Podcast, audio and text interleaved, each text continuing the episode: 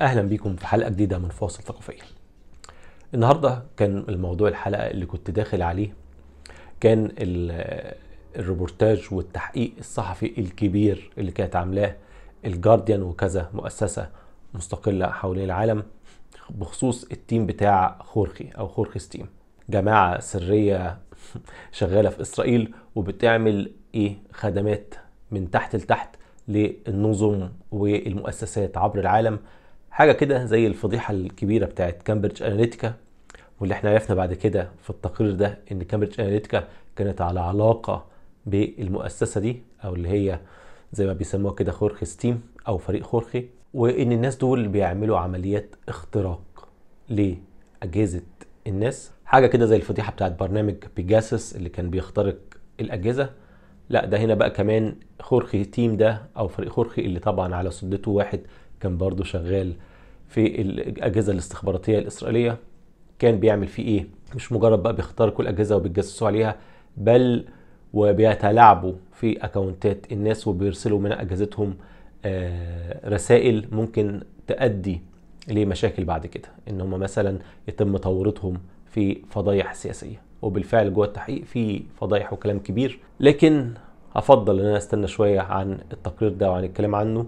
أو أنا عشان ما قريتش عنه غير في جريدة الجارديان ودورت من أول يوم من ساعة لما تم آه، إذاعة الخبر ده والتحقيق الكبير ده على الجارديان استنيت إنه يجي في وسائل الإعلام لكن ما كانش في حاجة.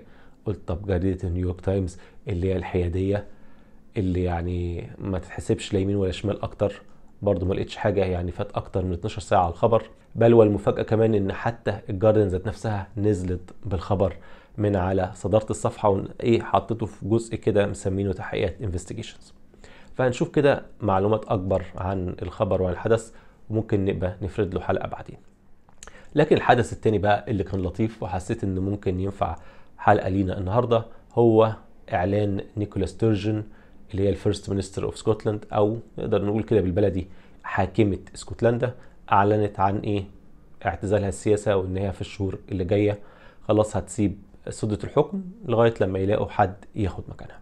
وده طبعا كان خبر كبير ومسلسل لكذا سبب. اولا لأنه جاي بعد أقل من كام شهر أسابيع حتى من استقالة رئيسة الوزراء النيوزيلندية ال charismatic ال popular قوي حوالين العالم اللي هي جاسياندا أردرين ودلوقتي جاية وراها نيكولا ستيرجن. وده طبعا خلى الناس على طول تعقد المقارنات ما بينهم. الاتنين صغيرين وإن كانت طبعا جاسياندا اردن كانت أصغر كانت عند سن 42 سنة لما أعلنت استقالتها وبعد ما فيش أسابيع قليلة سابت فعل المنصب وجي مكانها رئيس وزراء تاني. نيكولا ستيرجن أكبر شوية لكن عندها برضو 52 سنة يعني في عز السن لممارسة السياسة. فكان غريب إن السيدتين دول اللي هم في عز عطائهم السياسي الاتنين يقولوا لا ضغوط السياسة كبيرة وهنسيب الشغل. وده طبعا شيء مثير للانتباه لسبب تاني هو إن بعد استقالة جاسيند أردن بما فيش بفترة صغيرة جت البي بي سي وعملت لقاء مع نيكولا ستيرجن وقالت لها إيه الأخبار؟ هتقدري تكملي؟ ولا أنت برضه هتقولي إنك تعبانة؟ فراحت استعارت التعبير بتاع جاسيند أردن وقلبته. يعني كانت جاسيند أردن لما جت استقالت قالت أنا والله حسيت إني جبت آخري وال tank بتاعي ما بقاش فيه بنزين. There is nothing in the tank. An empty tank وما ينفعش أقود أمة وأنا ال tank بتاعي خلصان اللي هو ال tank ال emotional يعني وال mental فراحت جاية بقى نيكولا ستيرجن قالت لا ده أنا ال tank بتاعي full فما فيش أسابيع من ما قالت ال tank بتاعي full جت هي رخرة وقالت ال brutality أو العنف والفظاعة أو القسوة بتاعت عالم السياسة بقت كتير عليا وهستقيل. وزي ما بقول كده خلى الناس على طول تعقد المقارنات. هو إيه ده؟ دي بتستقيل ورا دي ليه؟ هل عالم السياسة فعلا تقيل على الستات أكتر من الرجالة؟ إحنا في عالم دلوقتي فيه إتاحة الفرص بطريقة كبيرة للجنسين. فطبيعي إن لما يحصل حدثين زي كده يخلي الناس تراجع نفسها وتبدأ تفكر. الله هل ده له علاقة فعلا بكون إن الزعيمتين سيدات؟ خصوصا إن الاتنين بيستقيلوا وهم ليهم شعبية كبيرة جدا في بلدهم وليهم رصيد سياسي معتبر. بدايه من جاسياندا اردجن اللي جاية من الحزب العمال النيوزيلندي مسكت سدة الحكم في 2017 لغاية لما أعلنت استقالتها في 2022 كانت شابة في الثلاثينات لغاية لما مشيت وعندها 42 سنة. كان ليها كاريزما كبيرة جوة وبره نيوزيلندا. والأهم هي طبعا بره نيوزيلندا. ده اللي إحنا نعرفه عنها. وطبعا كانت اشتهرت في العالم بعد رد فعلها على جريمة آه، الإرهاب الكبيرة اللي اتقتل فيها عشرات المسلمين في مسجد في نيوزيلندا اللي كان قام بيها إرهابي كان من أصول آه، أسترالية ودخل بدافع الكراهية قتل ناس كتير جدا من المصلين في الجامعة.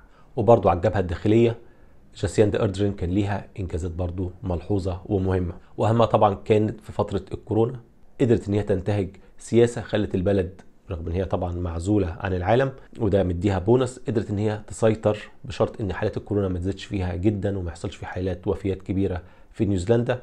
وطبعا أول لما جت التطعيمات جابتها ووفرتها للشعب وكان آه، سياستها فيها نوع من إيه؟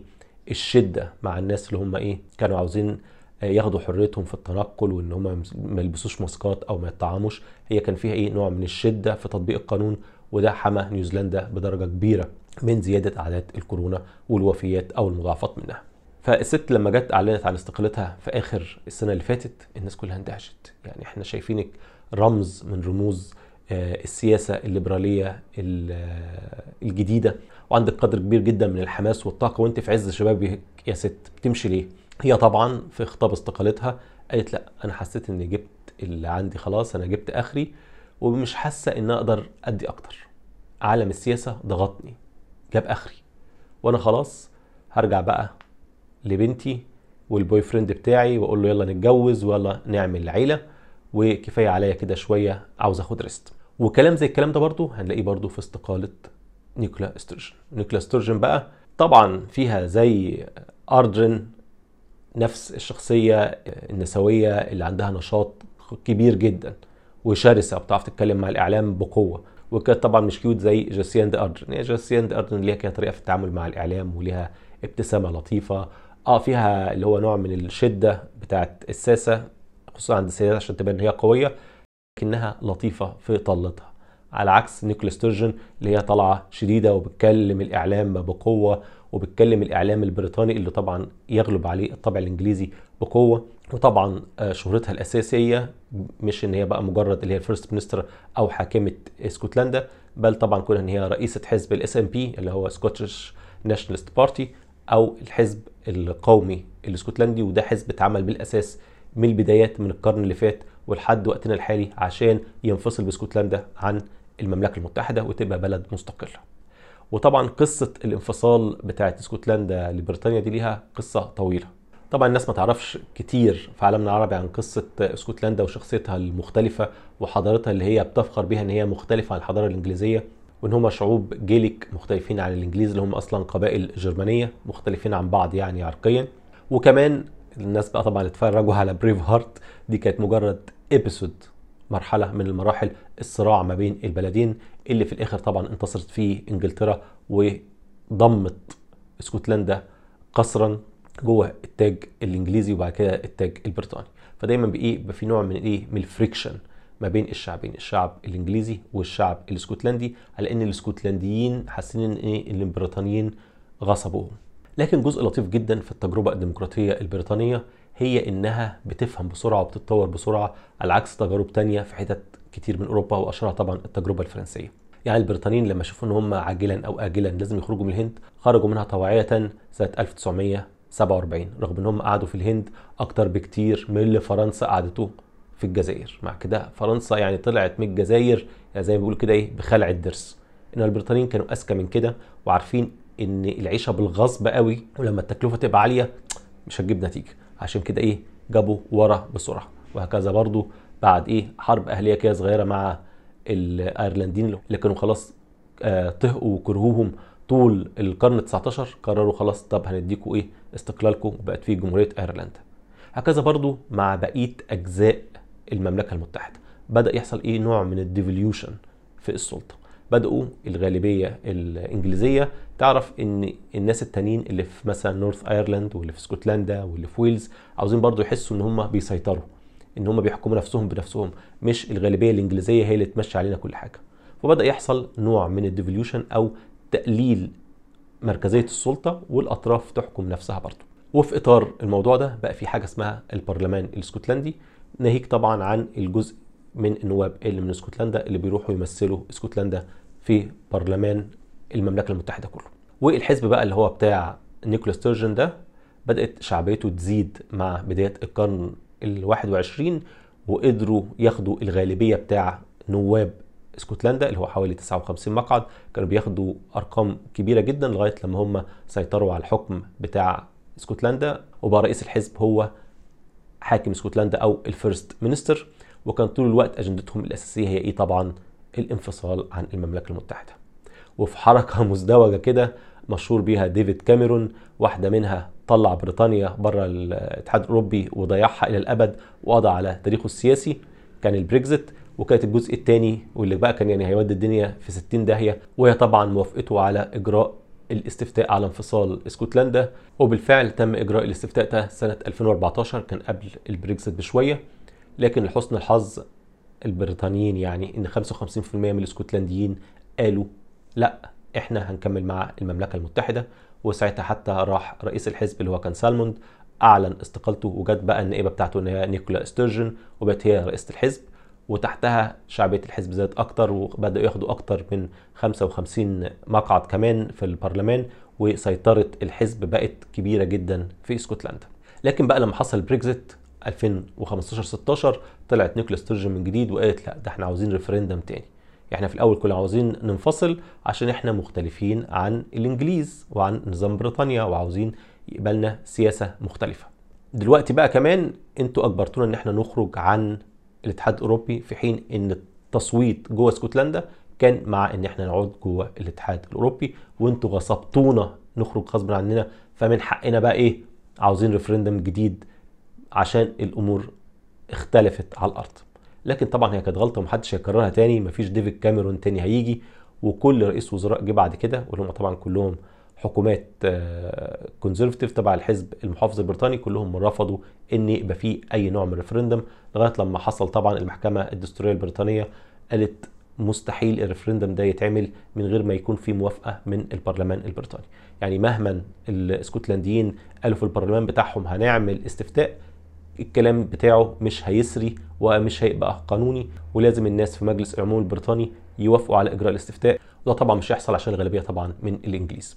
لكن ايا كان طول الوقت نيكولا ستيرجن شخصية قوية وبتطلع وبتطالب بالاستقلال وبتحكم آه اسكتلندا بطريقة إيه؟ آه ديمقراطية وهي شخصية قوية اختلفت مع مؤسس الحزب ومعلمها واللي خدت منه رئاسة الحزب لما طلعت فضيحة كبيرة ليه إن هو كان بيتحرش بسيدات من إيه؟ من الحزب ومن الاسكتلنديات وقت أما كان هو في السلطة وبعدت نفسها عنه. يعني ما إيه ما ما اتكسفتش ولا خافت منه. صحيح ما هجمتوش لكنها إيه بعدت نفسها عنه. ممكن الراجل بعد كده خد براءة. بس ايا كان فيها شخصية قوية ما بيفرقش معاها. بتبان دايما في صورة المسيطرة. عشان كده كان خبر استقالتها ده مثير للدهشة عند ناس كتير جدا. في ناس طبعا بيربطوه بموضوع كان عامل فضيحة شوية من كام شهر. إن هي طبعا عشان هي إيه آه Euro centrist وارائها دايما أوروبية آه progressive فكانت واخدة إيه؟ وجهة نظر مع الآراء الأوروبية الحديثة تجاه حرية الأشخاص في تحديد ال identity بتاعتهم ومنها طبعا ال gender fluidity وال gender identity وهي كانت جزء من الناس جوه الحزب بتاعها مع إن الناس تختار ال gender identity بتاعتهم من غير كشف طبي. يعني يطلع واحد يقول مثلا أنا ست خلاص القانون يعترف بيه ان هو ست. ست تطلع تقول هي راجل فالقانون يعترف بيها إن هي راجل. بس الموضوع بقى عمل ضجة كبيرة جدا ليه؟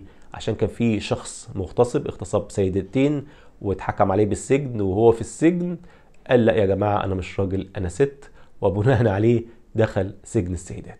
فطبعا حصل ضجة كبيرة جدا. يا جماعة أنتم بتدخلين راجل كان بيغتصب السيدات بتحطوه في سجن مع السيدات وبتهددوا سلام السيدات دول؟ فالموضوع يعني عمل ضجة كبيرة جدا وحصل هجوم ضخم بقى على كل الناس اللي كانوا مع موضوع ال gender identity freedom ده ومنهم طبعا كان مين؟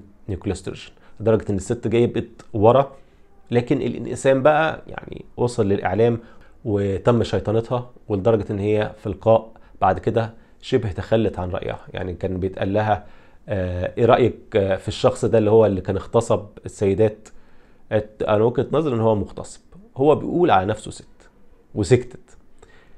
فهي حتى في خطاب استقالتها اللي هو طلع النهارده ده بتلمح الموضوع ده. بتقول أنا سواء عن حق أو عن طريق المبالغة بقى في نوع من التحزب ضد شخصيتي. والمفروض الشخص اللي هيجي يقود اسكتلندا لازم يكون شخص عليه نوع من إيه؟ من التوافق. إنما دلوقتي بقى الناس منقسمة عليها. في ناس مع وفي ناس ضد. هي طبعا ما أشارتش لموضوع المغتصب والكلام ده بل وأنكرت كمان. بس في ناس كتير بيقولوا التلميح ده جوه خطابها غالبا بيشاور للموضوع ده. والنقطة دي تحديدا تخلينا نرجع لنفس سؤالنا في بداية الحلقة. يا ترى الستات فعلا ما بيستحملوش الضغوط الشديدة بتاعت السياسة؟ يعني هم آه يقودوا ويحكموا كل حاجة إنما ساعة الموضوع لما يهاجمهم هم شخصيا ويهاجم حياتهم العائلية ما بيقدروش؟ لما الهجوم يبقى شخصي قوي كده ما بيقدروش؟ يعني الكلام ده أهو شايفينه مع نيكولا ستيرجن في اسكتلندا. وفي ممكن تكون تلميحات من بعيد على موضوع أردرن إن الضغوط العائلية فعلا هي السبب الحقيقي مش أي حاجة تانية. وكان طبعا قبليهم كان بفترة كان موضوع ميركل لما تم طبعا تحميلها مسؤولية إن الحزب كله بتاعها بدأ يخسر عشان قررها في 2000 طبعا و14 بقبول المليون مهاجر اللي كانوا جايين من سوريا ومنطقة الشرق الأوسط. هل السيدات فعلا ما بيستحملوش الضغوط الكبيرة عليهم؟ بالمقارنة طبعا مع رجالة كتير جبلات من غير يعني اما نيجي نسرد يعني مش هنلاقي حصر. وعلى أشهرهم في العصر الحديث طبعا دونالد ترامب اللي يعني كان بيتصرخ ليل نهار وخارج بفضيحة ضخمة ويعني في قضايا مستنياه بالكوم والراجل ولا همه هيدخل الانتخابات تاني. أو الجبلة الأكبر طبعا بنجامين نتنياهو اللي يعني القضايا ضده بلا عبيط. والراجل يعني خرج ورجع تاني ولا فارق معاه بل وهيغير القانون ويخلي القضاة ما يقدروش يعني إيه يقربوا منه ولا يلمسوه ولا الحكومة بتاعته. فهل فعلا إحنا طبعا يعني إحنا عارفين بالثقافة الشعبية إن السيدات إيموشنال أكتر من الرجالة بس في عالم السياسة وفي العالم الحديث في رفض كبير سواء من السيدات نفسهم أو من التقدمين للنظرة دي. يقول لك لا الست زيها زي الراجل وتقدر تقوم بالمهام تماما وما يفرقش معاها وتقدر تشيل مسؤولية. بس إحنا قدامنا دلوقتي أمثلة زي اللي قلناها دلوقتي. سيدات في أوج السلطة وفي أوج آه عمرهم السياسي واحدة في الأربعينات واحدة في الخمسينات ومع كده بيقولوا الضغوط كبيرة وبيتنحوا فهل فعلا كونهم سيدات ليه دور في الموضوع؟ زي دي النقطة بقى التانية المهمة يعني سيبك من إن إحنا هناخد إيه نظرة ذكورية تهاجم السيدات دي. إيه رأينا في قرارهم؟ قرارهم ده من الناحيه الشخصيه أنا من وجهة نظري قرار ذكي جدا وقرار حكيم. يعني أنا كشخص استفدت إيه لما أنا هفيد بلدي لما أنا حياتي ذات نفسها بتتدمر. لما أنا شايف قدام عيني إن أنا بضر نفسي وكمان بضر البلد عشان أنا مش في حالتي النفسية أو الذهنية الأفضل. ودي ممكن تكون بقى نقطة إيجابية للستات عن الرجالة كتير. إن الراجل يقول لك لا الناس تقول عليا إيه؟ لا أنا هستحمل. ويكون تحت ضغوط كبيرة تخليه مش كفء وتخليه عامل مشاكل مع الناس اللي حواليه لكن يقول لك أنا لا يمكن أتنحى أنا لا يمكن أستسلم. يعني الهرمونات بتاعت الذكورة بتاعته تخليه في المنافسة لغاية الآخر يقول لك لأ حتى لو الناس منقسمة عليا أنا هعرف أجمعهم أنا هعرف أجبرهم أنا ال vision بتاعتي هي أحسن vision. فلو بصينا للموضوع من الناحية دي نلاقي بالعكس إن كده السيدات قادة أفضل من الرجالة إن هم عندهم مش نقول بقى نوع من التصالح مع النفس. عندهم breaking point بتحميهم وبتحمي الدول بتاعتهم من الضغوط النفسية اللي بتمارس عليهم على عكس الرجالة اللي ممكن يكونوا في أزمات ضخمة جدا وده طبعا شفناه كتير سواء مع الرئيس الفرنساوي فرانسوا ميتران ولا رونالد ريجن ناس يعني حياتهم كانت على المحك وخلاص رايحين الآخر ومع كده متشبثين بالسلطة ومكملين لغاية آخر رمق. فبيضحوا باوطانهم وبيضحوا بالقرارات السليمة عشان يفضلوا ماسكين في الكرسي لغاية آخر لحظة. أنتوا بقى أيها المستمعين الأعزاء إيه رأيكم في الموضوع ده؟ إيه رأيكم في السيدة كقائد؟ ورأيكم في قرارات أردرن ونيكولا ستيرجن في إنهم يقرروا يتنحوا عشان هم شايفين في نفسهم عدم القدرة على تحمل المسؤولية وعلى وحدة بلدانهم وأحزابهم السياسية؟ بس ده كل عندي النهارده. كالعادة أحب أسمع آرائكم ومقترحاتكم. ولو في أي تصحيحات لأي محتوى جوه الحلقة اشتركوا على اليوتيوب عشان توصلكم الحلقات الجديدة أول بأول. وشكرا وأشوفكم على خير الحلقة الجاية. مع السلامة.